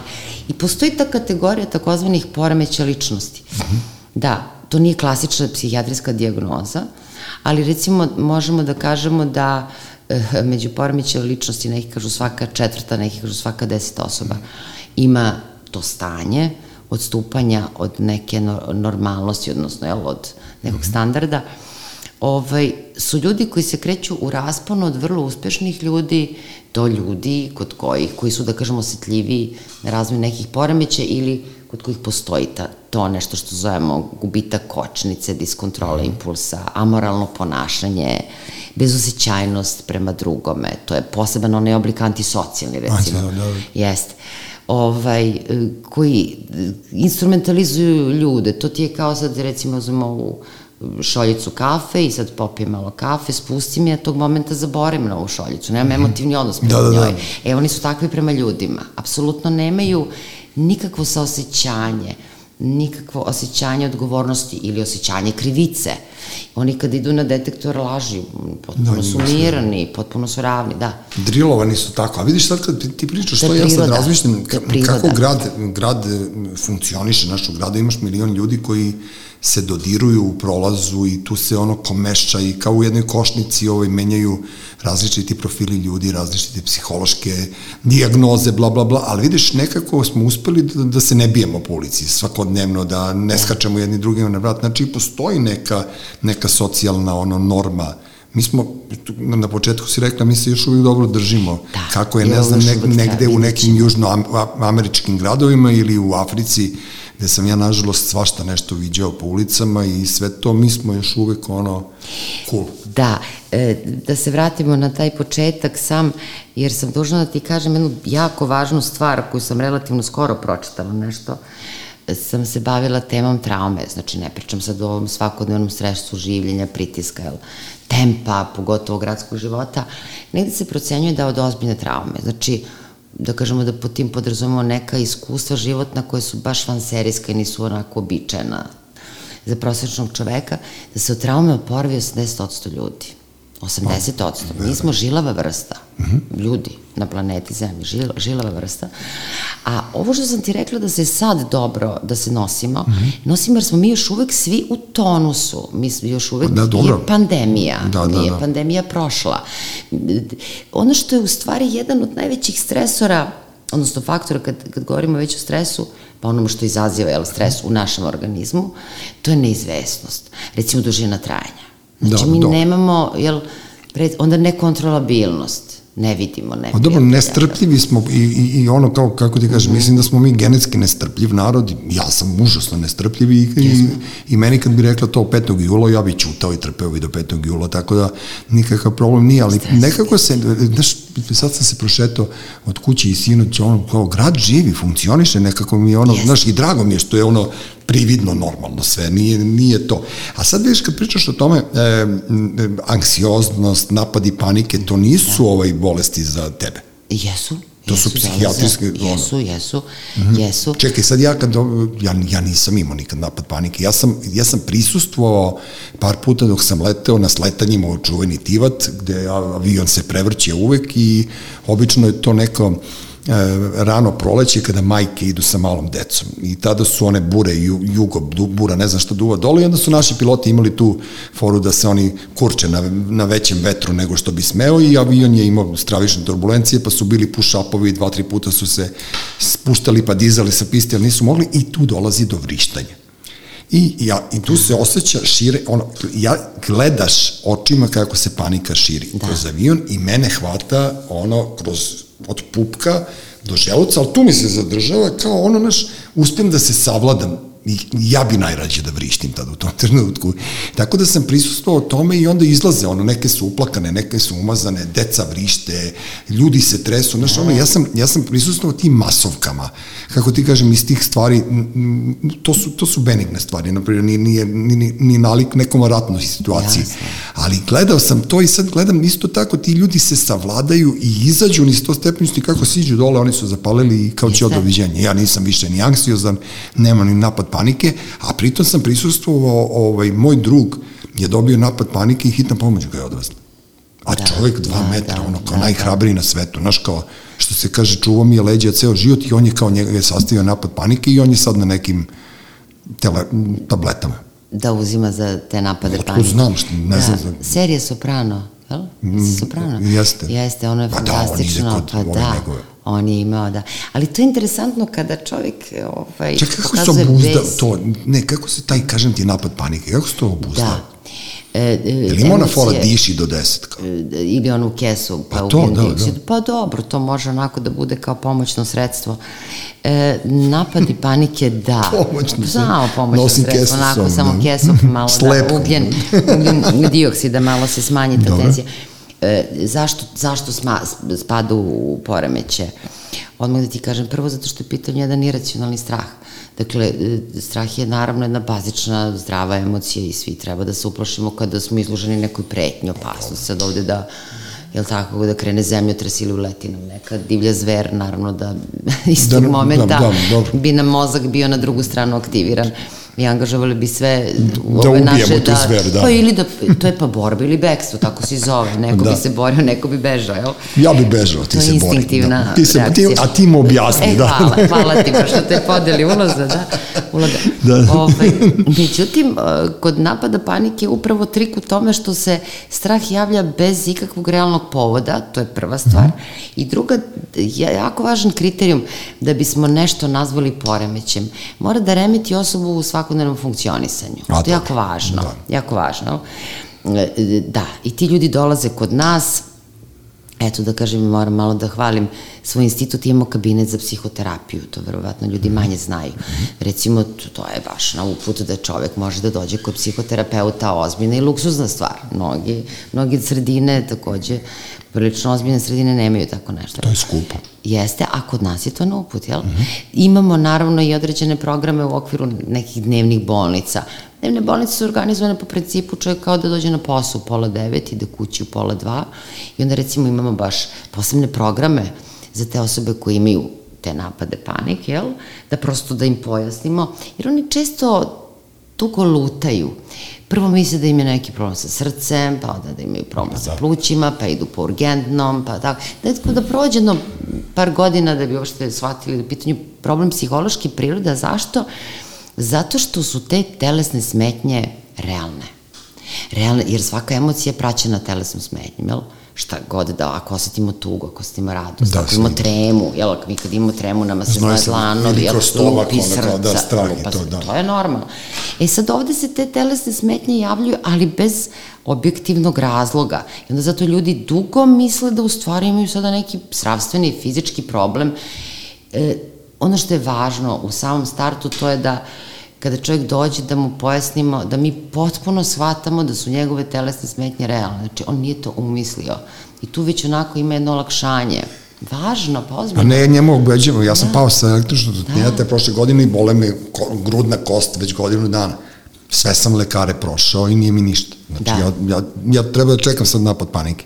Ne, već sam umro ja od infarkta, tako da ono, uf, ja sam umro i od infarkta i od upale pluća i od, kovoj, od korone i od raka želuca, sve sam ja to prošao, međutim zdrav sam. Ali priznaj da je ipak to najbolji Woody Allen. Ma dobro, ono no, on je neprevaziđen, je tako? Do, pa to otprilike, to ti je to, ne, ali ja sam stvarno to, znaš, ja sam ono, što bi rekao, krenuo na šalu. Ali stvarno, evo sad me probada da. ova grudna kost, on mi se smeje i kaže da sam hipohondar, ne, ja sam samo realno bolim. Da. Šta ću? E, zašto moram ti reći, ovaj, pored toga što sam na psihijatriji, ja sam... Ne mislim da mi kaže da se navikavam, pošto mi svi doktori kažu naviku ne, se. Da, ne, ne, dobro. ne, ušte, ne, naprotiv, nego ovaj, e, moje divne kolege, e, ovaj, pre svega sa fiziologije i sa anestezije, su napravili jednu novu katedru pre par godina, mm. katedru za medicine bola, tako da sam i tamo na faksu, i, ovaj, i poprilično pokušamo onako da se, dobro sam malo ovaj COVID je poremetio neke stvari, ali da se bavimo malo to medicinom bola na ozbiljni način. Da. Tako da sam krenula da e, učim ove mlade generacije i da radim naravno sa pacijentima, ta psihogena nadogradnja na telesni bol je realan bol. To hoću da ti kažem. To je, se sada možda ekstremno zvuči, ali recimo postoje ljudi koji izgube ruku ili nogu i ta nepostojeća ruka i fantomski bol, fantomski, da. Mm -hmm. boli ih. Ali to je objektivan Stvarno? bol, da. Znači oni ne umišljaju bol, nego ih boli. I, ovaj, I nekako najčešće u stvari taj, nazovi, ta psihogena nadogradnja nije nikakav psihološki konflikt i nije nikakav umišljeni bol, nego naš mozak nešto zapamti. Mm -hmm. Trajno. I praktično mozak šalje impuls ka periferiji i daje senzaciju realnog bola. Mozak zapamtio. Da, moć. Tako da tu u stvari čovjek ne treba se navikava, tu ne pomaže psihoterapija, tu ne pomažu lekovi. Šta se ispostavilo? To je da e, telesna terapija, fizikalna terapija, mm -hmm. recimo, će pre pomoći za smanjenje te vrste bola nego bilo kakav razgovor. Da, to je vrlo interesantno.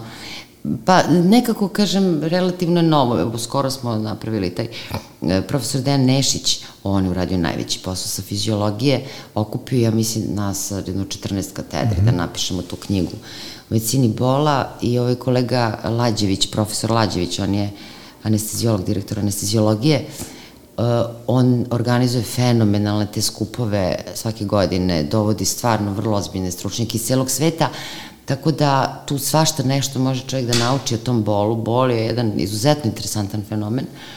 I meni je interesantan slučaj e, osobe koja je pao na nekoj građevini i onda mu ekser probio kroz cipel, ima fotografija mm -hmm. cipel pre 70-80 godina, ako ne i više. I, ovaj, I on se onesvestio od bola. I odveli su ga u bolnicu, skinuli cipelu i shvatili da ekser poš, prošao da dva prsta i da uopšte ga nije povredio. On se uplašio, jel? Pa da. Ali on zaista osetio jeziv bol i on je svestio se od bola. Pa on je projekt. Šta radi da, mozak? Da, to je mozak, tačno tako. Znaš, ono kao ja ovo... Ali, znaš, ali kad kažu ljudi, ja nemoj to da mi radiš, to su mi nešto na, naše najgore, najgore stvari. Ja sam prevazilazio, ja sad prosto razmišljam kako sam ja prevazilazio, ne znam, krizne situacije u životu, da. pa nisam bežao od toga da, da progutam tabletu. Kao, znaš, ovdje je ono, mislim da svaka m, ono, punoletna osoba ima bar po neku tabletu u svojoj torbi. Naročito, ono, moje drugarice, bivše koleginice, stewardese, to kad se malo trese avion, one kljucnu tabletu i kao sve mir u kući, znaš, tako da ja isto ne bežim od toga kad se, ne znam, uznemirim i ne, ne, nervozim, naravno da treba, ne treba raditi na svoju ruku, ali kao, ne znam, nekako sam produžio mm -hmm. sebi, sebi život da, da, da, ne, da se suočavam, znaš, jer ja sam, ne znam, 2000. godine imao diagnozi, diagnozu kancer, ja sam to preživeo, onda sam, ne znam, e, nas trojica najboljih ortaka smo doživjeli istu sudbinu sa majkama. Svima su na majke umrle na rukama otprilike. I nekako smo svi izlazili iz toga nemam pojma. Ja, znaš, i onda sam ja hiljadu puta, meni je Žonki, svećaš pokojnog Žonkija, ovaj, Slobodan Nedeljković, on je bio tvoj kolega, on je e, meni rekao jednom pozvonu, ja mu kažem, Žonki, čekaj, ja sam to, to, to, to i to, on kaže, znaš zašto? Ja kažem, ne, kaže, zato što si bolit. E da mi ni to je meni, da, meni je to psihijatar, psihijatar objasnio.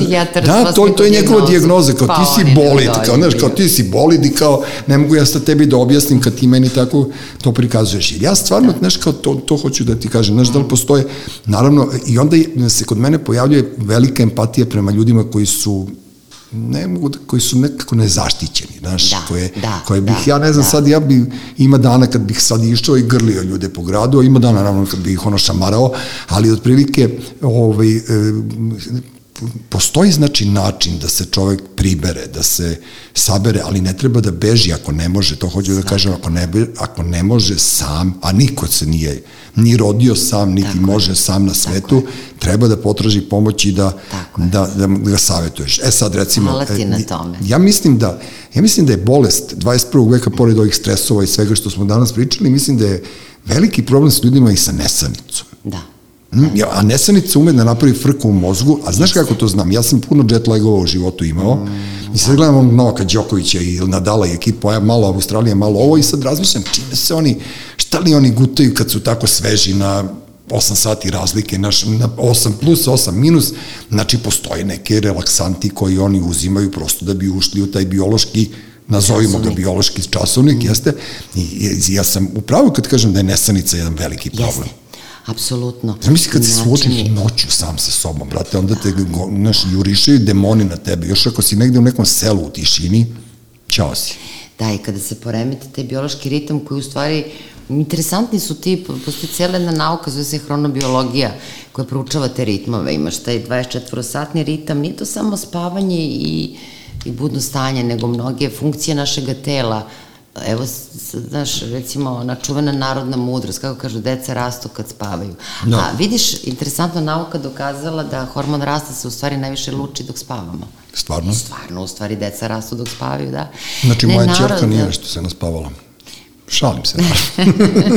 Ubiće me ako čuje ovo, dobro, ali nema veze. Ceo, ceo život mi ima taj hormon rasta, nam je bitan ceo da. život. Da. Ne samo za rast, za neke druge stvari.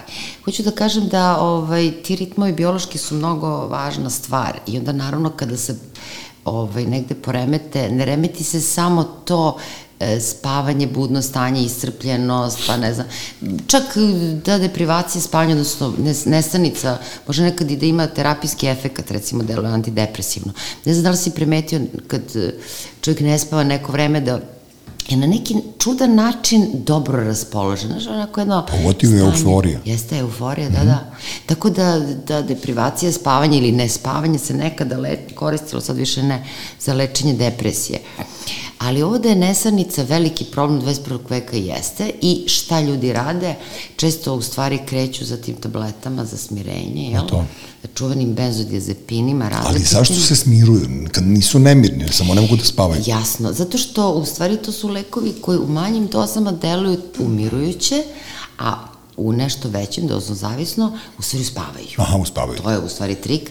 E da. sada, kada smo nešto, skoro smo pisali neku baš onako monografiju na temu e, odgovorne upotrebe baš tih lekova za mhm. smirenje. Mislim, to je jako važno i tu se uključila da naša divna koleginica, asistentkinja Slobodanka Pević, ona je u Americi radila svoj doktorat upravo na temu poremećaja spavanja.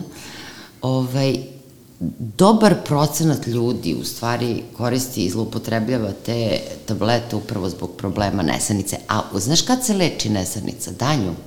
Znači, mm -hmm. potpunom promenom nekih obrazaca, mi dajemo tu određene savete, postoje ta higijena spavanja, da recimo čovjek preko dana ne leži u krevetu u kome spava, da aktivnosti u toku prepodne. Ja sam ti taj, ja sam ti klasični mm. pacijent, ono, mene, mene insomnija ubi. Da, da. Bukvalno, ono, naš, ja sam onda... Danju se leči, ne znam, ja sam, ne noću kad Ja sam taj legne. koji posegne za ksalolom. Ponekad.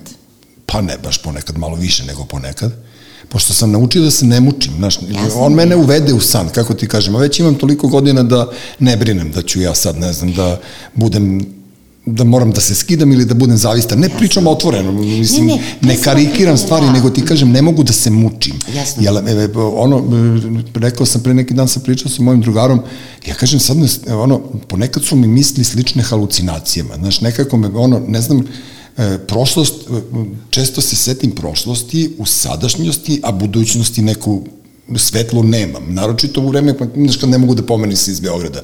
I onda je tu došlo do toga da, mi, da, znaš, da, da uhvatim sebe, sreće pa se bavim pisanjem i tako tim nekim stvarima, znaš, pa uhvatim sebe da ja bukvalno ono, uletim u neke ono kao, ne znam, nisu to halucinacije, ne mogu baš tako da ih nazovem, jer se ja ne plašim toga, nego neke lepe misli i onda kao, bukvalno u jednom trenutku ne znam da li je stvarno bilo ili nije bilo stvarno, a to mi se dešava, no, dešava noću kad ne mogu da spavam, kad preteram u binđovanju da, serija, da, kada da, preteram da, da, u pušenju, kada e, preteram u jelu to i onda to, naš, sve to. to stiže. Jeste, ali sad si upravo rekao sve razloge zbog čega imaš problem sa nesanicom. Međutim, ovde da napravimo sad naš privatni razgovor o ovoj tvoje nesanice, ja kao lekar, da, doktorka, pa kao doktorka došla u goste, da, pa da. malo da popričamo. Ne. Mnogo mi je drago što si pomenuo svoje pisanje.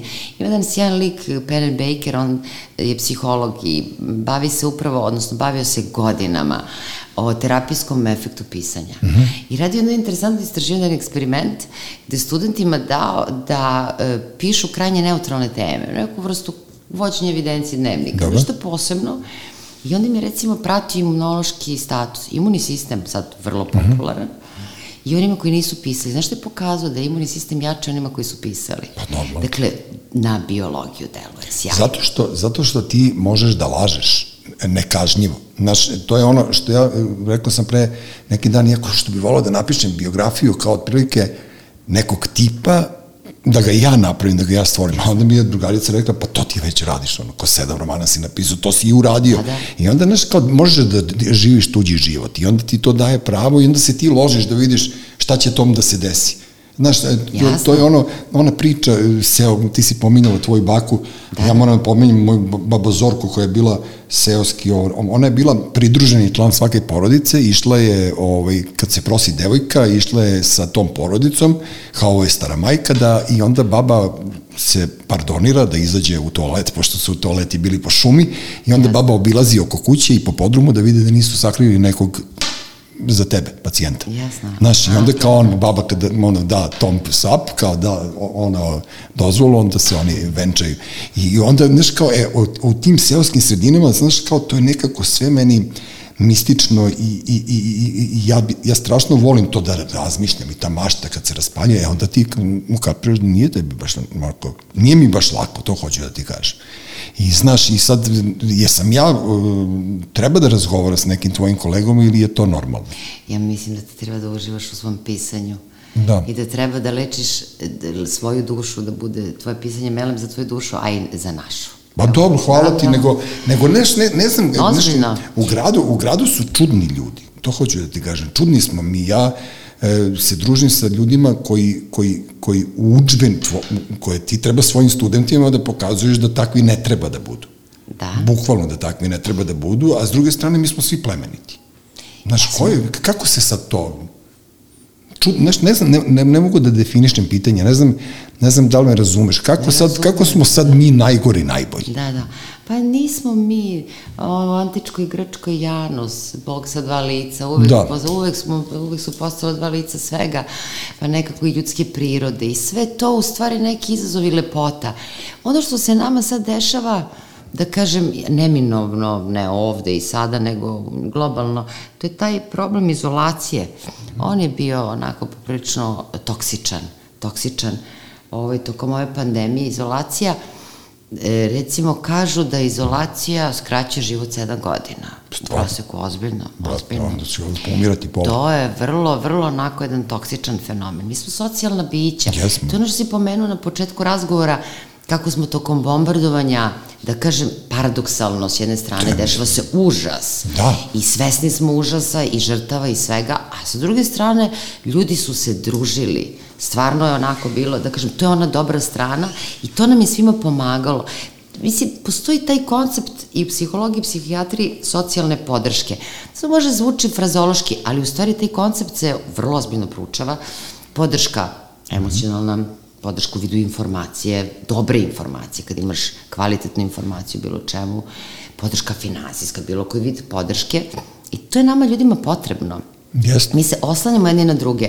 Čak nije toliko pitanje ni koliko mi imamo podršku, nego kako sam procenjujem ja da mogu da se oslanjam, da imam dobrog drugara, da imam prijatelja, da imam nekome s kim ću da podelim nešto. E sada, kažem, ova, ova, ova vrsta, kako bi rekli, detachmenta, gde smo se da kažem, međusobno svako zatvorio neku svoju ćeliju, ok, pojavili su se novi mediji pa su nam omogućili neku vrstu komunikacije, ali pre neki dan idem knjez Mihajlo i razmišljam koliko je odjednom divno živ ovaj Beograd. Jeste.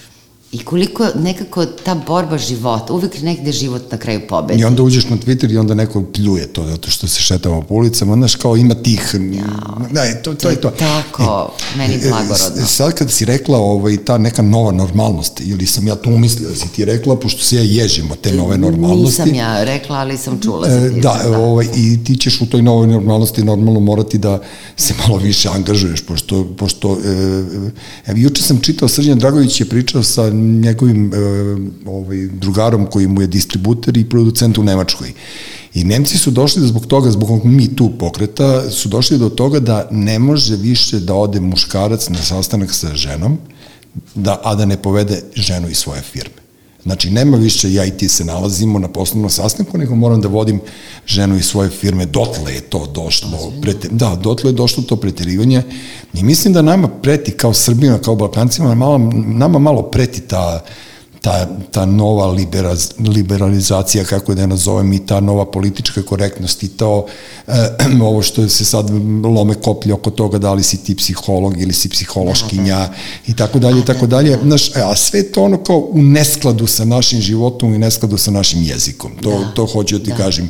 Gledao sam neku vrlo neprijatnu emisiju gde je devojka insistirala da ona nije copywriter, nego je copywriterka, a ja iskreno nemam pojma šta je copywriter.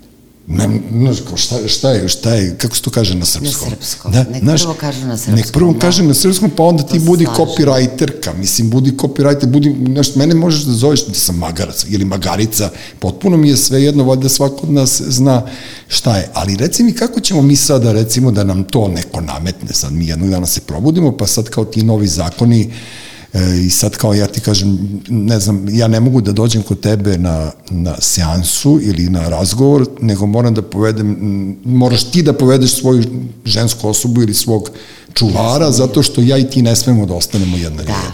Da, Da ne bi došlo do ne znam čega. Da.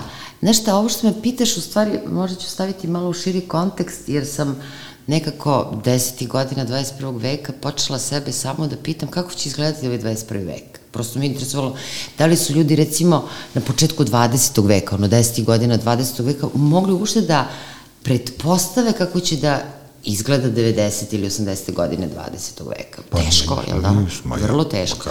I onda sam počela nekako da kopam literaturu, da tražim prosto da vidim šta će to da se dešava u ovom veku, jel?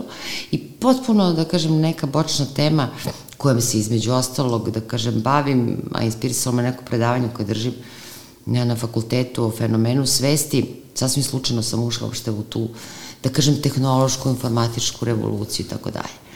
I onda e, e, interesantno sve što se dešava i neminovno je, što reče ovaj jedan francuski autor, da za jednu par decenija mi više nećemo govoriti o levičarima i desničarima, nego o transhumanistima i biokonzervativcima, jel? U zavisnosti od toga, da kažem, kom pravcu će pripadati. Ali onda sam se malo, znaš, kad se vratiš kroz istoriju, stalno je nešto čovek slutio neku apokalipsu, mm -hmm. a nikad se apokalipsa nije desila. Pa dobro, to je... Jel, da? I stalno nekako te promene. Jesmo mi sada, mi smo da kažem, i tvoja moja generacija već, većim, da kažem, korakom u 20. nego u 21. veku. Pa dobro, da. Ali, ali umemo da se snađemo. Umemo da i mi, umemo. Da. vrlo umemo. A zamisli sad ove klince koji potpuno, da kažem, rastu na, na nekim, ovaj, da kažem, to je prosto njihova realnost. E, čak postoji jedna interesantna teorija da smo mi gosti u stvari kod ovih mlađih generacija Pa u jesmo. trenutku. Jesmo. Jesmo, jesmo sigurno, Jesmo, ne, ali mi to je gosti njima. Da, to, je, to si super primetila, ali pazi, naši, o- moj otac je... Preživjet ćemo mi, Moj otac, da moj otac, je, rođen, moj otac je rođen u štali, kao Isus. Znaš, Da, on je rođen u štali i on je 41. godine imao 9 godina kad, moj, kad je ostao bez oca i on je nakon tih za 10, 10 godina posle tog dana, kad je ostao bez oca, on je postao direktor prve aviokompanije koja se posle pretvorila u JAT. Pazi, eto, kažem, koji je to raketni uspon od jednog deteta koje je rođeno sa kravama i ovcama u senu, Jeste. tako da ono, znaš, kao ja sam njegov sin i već sam ga nadgradio ne znam koliko i moj sin ili čerka će nadgraditi ili naša deca sva će nas nadgraditi ne znam koliko, jer mislim da je rečenica koju sam najviše puta izgovorio u poslednjih pet godina, Anja, Anja, dođi ovamo da mi pokažeš ovo na telefon. Da, da, Tako da, verujem, pro, da. pro, znaš, kao prosto, ja, ja ih stu, ja, moja deca meni, ja ih volim puno, ali ja ih ovaj, iskorišćavam kao socijalna pomagala za ovaj 21. vek. Majke mi rođe, pa, kako pa drugačije? kažem ti, ti si u stvari gost kod njih, u Pa njihovom vremenu. Da, to oni su, to. to su mali elijeni. Jesu. Pitaj Treba- Bog.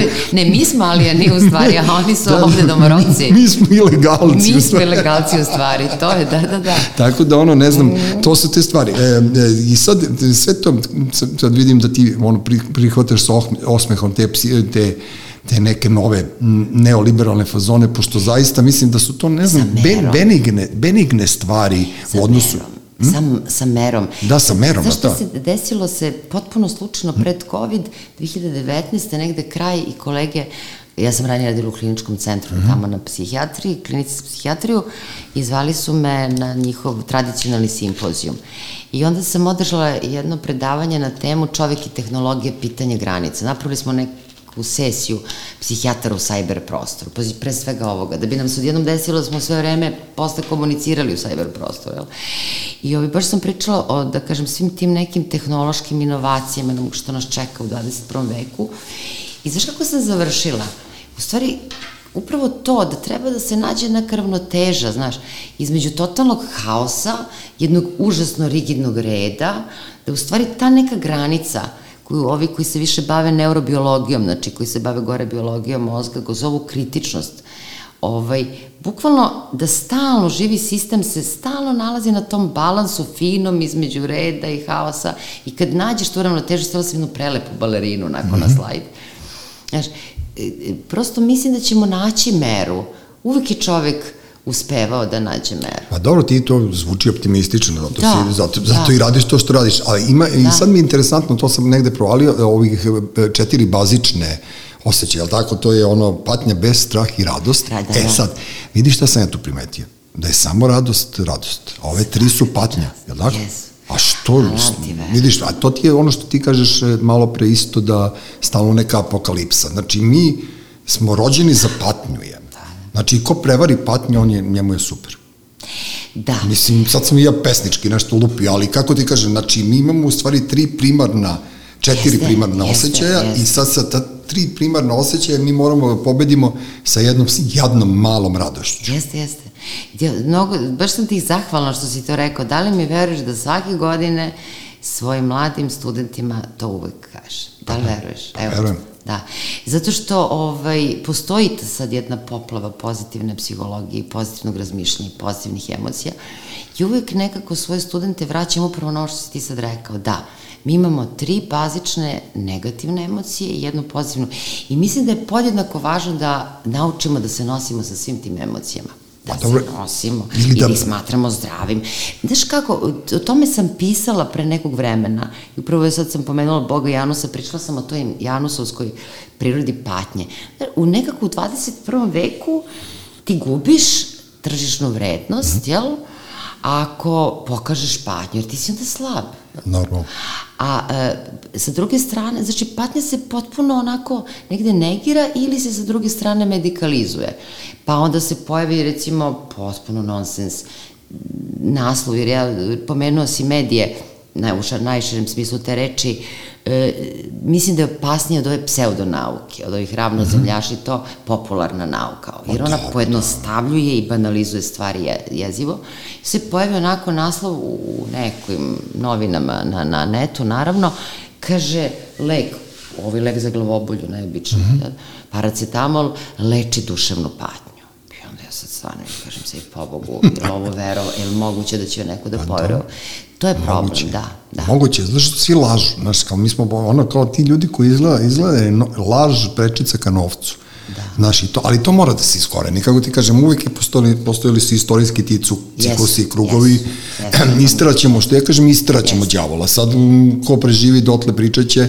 Meni je strašno žao, recimo, sinonim, Znaš, e, ljudi, ljudi često pomenju Renata koji on vadi one nesretnike kad se bacaju sa mosta, ali niko ne, da. sad desilo se našoj koleginici samoubistvo ćerke, dešavalo su se tu neke strašne, strašne stvari, e to je samo zato što nismo iskreni. Znaš, da. jer da smo mi iskreni jedni prema drugim, mi videli tuđu patnju, videli bi, ne patnju, nego prosto da, da neko ima neki problem s kojim ne može da se izbori i onda se to napravi sistem, kao ti druže ideš tamo da se malo zalečiš, pa ćemo ponovo da, da. da pričamo. Da, pa znaš šta Dule, ja ne znam ko je 2013. godine, pošto znaš da je Oksfordski rečnik svake godine mm -hmm. izdaje reč godine. Nisam sigurna, mislim da je 2013. Reč godine bila post istina. Post istina, jeste. Da, da. E, ali vidiš ti ono, a, to sad si me podsjetio da je 21. vek u stvari proglašen za vek mentalnih bolesti. Da, i da, vek u stvari čak i svesti, jer 90. godine 20. veka su proglašene za neurobiologiju mozga, da. ali smo sad, da kažem, otišli dalje. Pa čak se govori o milenijumu svesti. Tako. Strašno. Da. E, ali vidiš ti, moja sestra živi u Parizu, ona je godinu dana mlađa od mene i ona je sad se iselila iz centra grada, sa svoje tri drugarice zapalila van Pariza jer nije mogla više u tom strahu da žive. Ona je meni to tako rekla. Tako. I ja je kažem, si dobro? Ona kaže, ne. Ali, znaš, ona je, ona je iskrena i sad ja kao, znaš, da, da mi je rekla dobro, ja kažem, ja super, a ona mi je rekla ne. I onda sam ja u trenutku saćutao i ja sam joj rekao, zašto ne dođeš ovaj, u Beograd?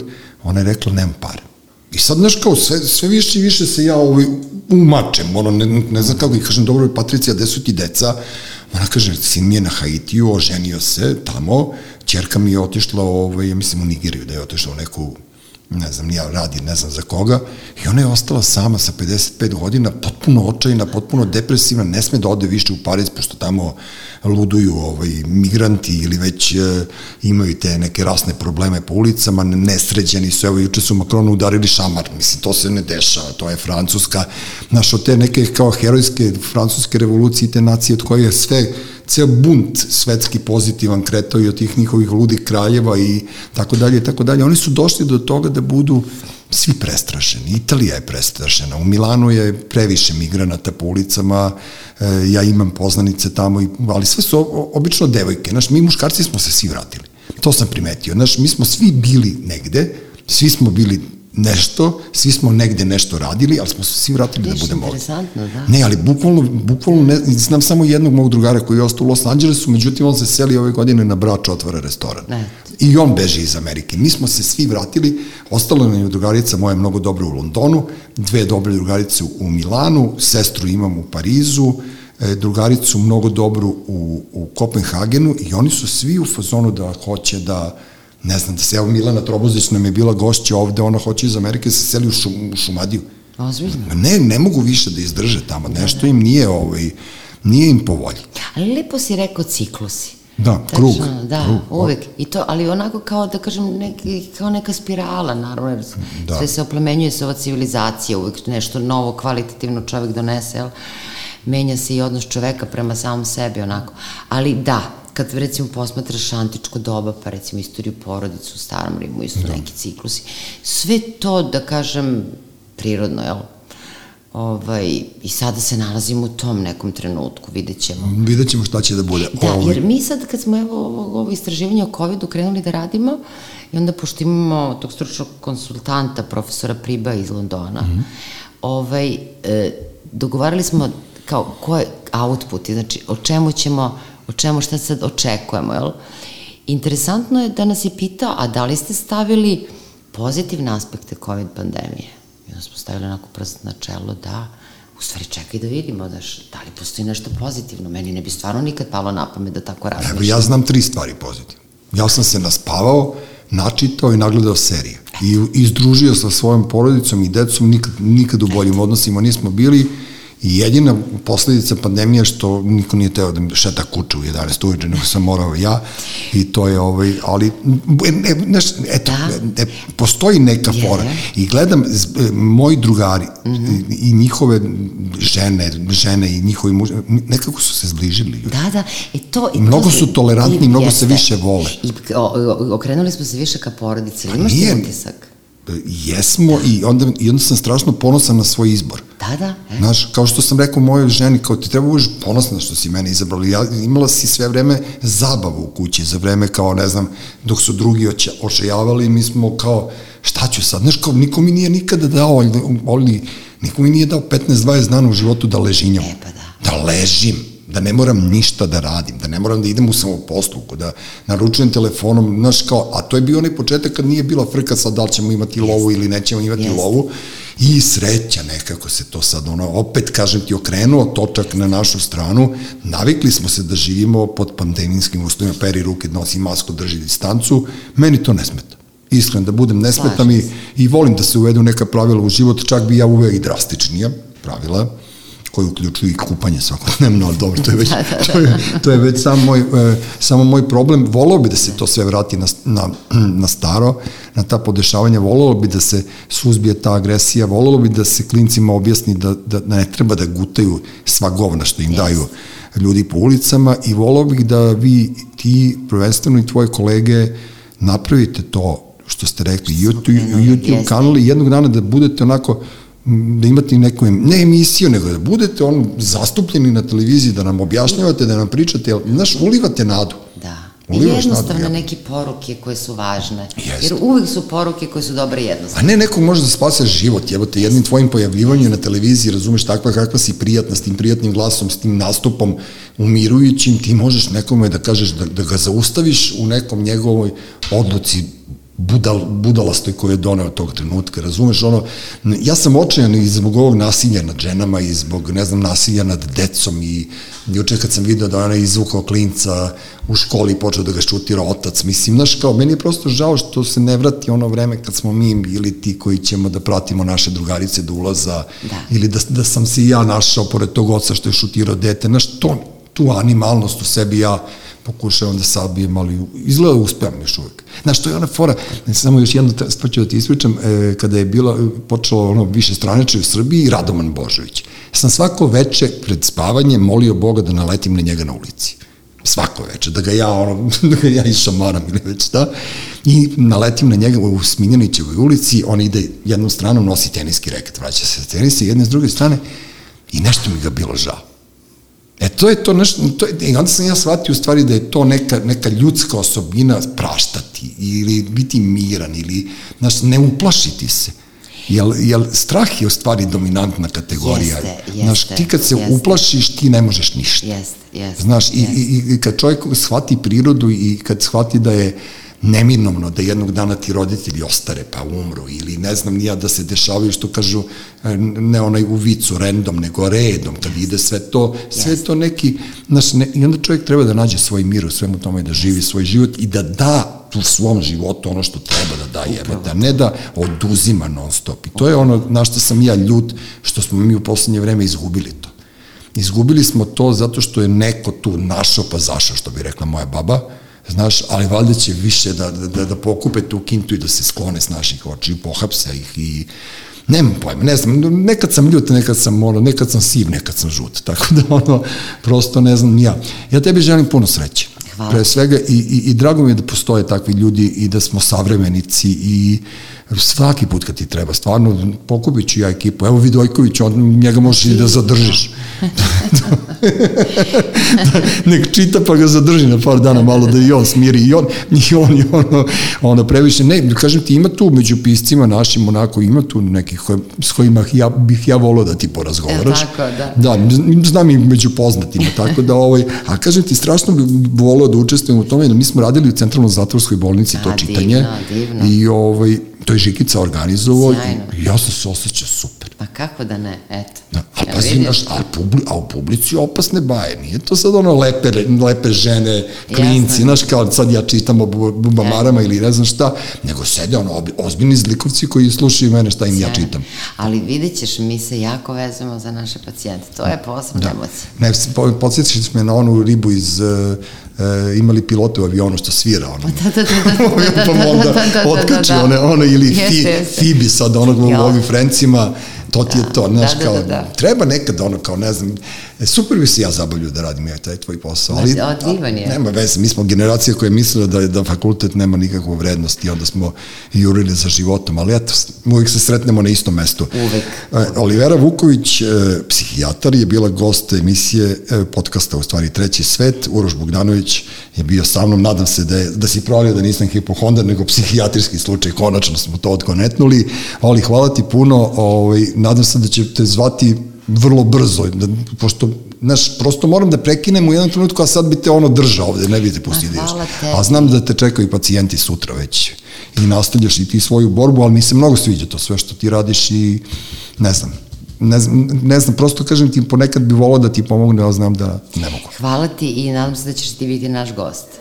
Misliš gost, ne, gost, ne pacijent. Na, na kulturnom krugu sredo. Naravno da hoću, ali da. ona, ako, ako mi zafali malo nekad ono, nešto za spavanje, doći ću ja. Isfolirat ću ti ja za selu. Važi, nema problema. Hvala, prijatno. Da, da, da, prijatno. Treći svet. Treći svet.